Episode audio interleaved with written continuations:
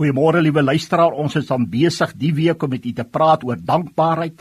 Die gedeelte in Lukas 17 oor die melaatses het ons gewys. Van die 10 het net een teruggekom en het vir Jesus geloof en prys. Moet ons net soms dankbaar wees en by sekere geleenthede? Nee, die woord kom in 1 Tessalonisense 5:18 sê: "Wees in alles dankbaar, want dit is die wil van God in Christus Jesus oor julle." Filippense 4:4 verklaar: "Verbly julle altyd in die Here." Ek herhaal: "Verbly julle." Is geluk en dankbaarheid die dryfkrag agter alles wat jy besit, wat jy doen, wat jy wil wees?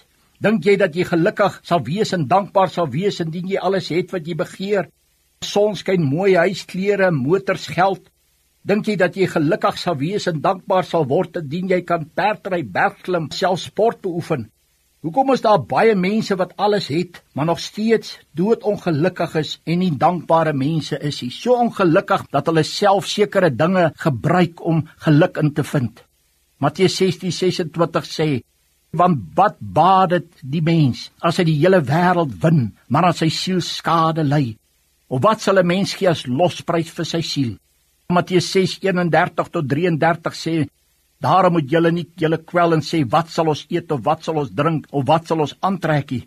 Want daai al hierdie dinge soek die heidene. Want julle hemelse Vader weet dat julle hierdie dinge nodig het, maar soek eers die koninkryk van God en sy geregtigheid en al hierdie dinge sal vir julle bygevoeg word.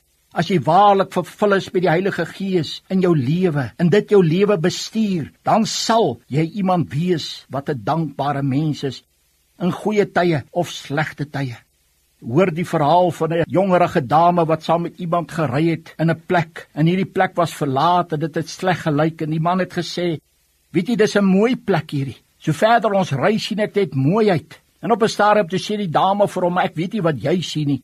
Hy sê weet jy wat? Ek was vir 40 jaar blind. Nou kan ek sien. So alles wat ek nou sien is mooi. Kom ons bid saam. Here dankie dat u sin in ons lewe maak Dankie dat U ons harte gevul het met U liefde. Daarvoor prys ons U vanmôre. Dankie vir alles wat U vir ons gee en vir ons doen. Ons prys U naam. Amen.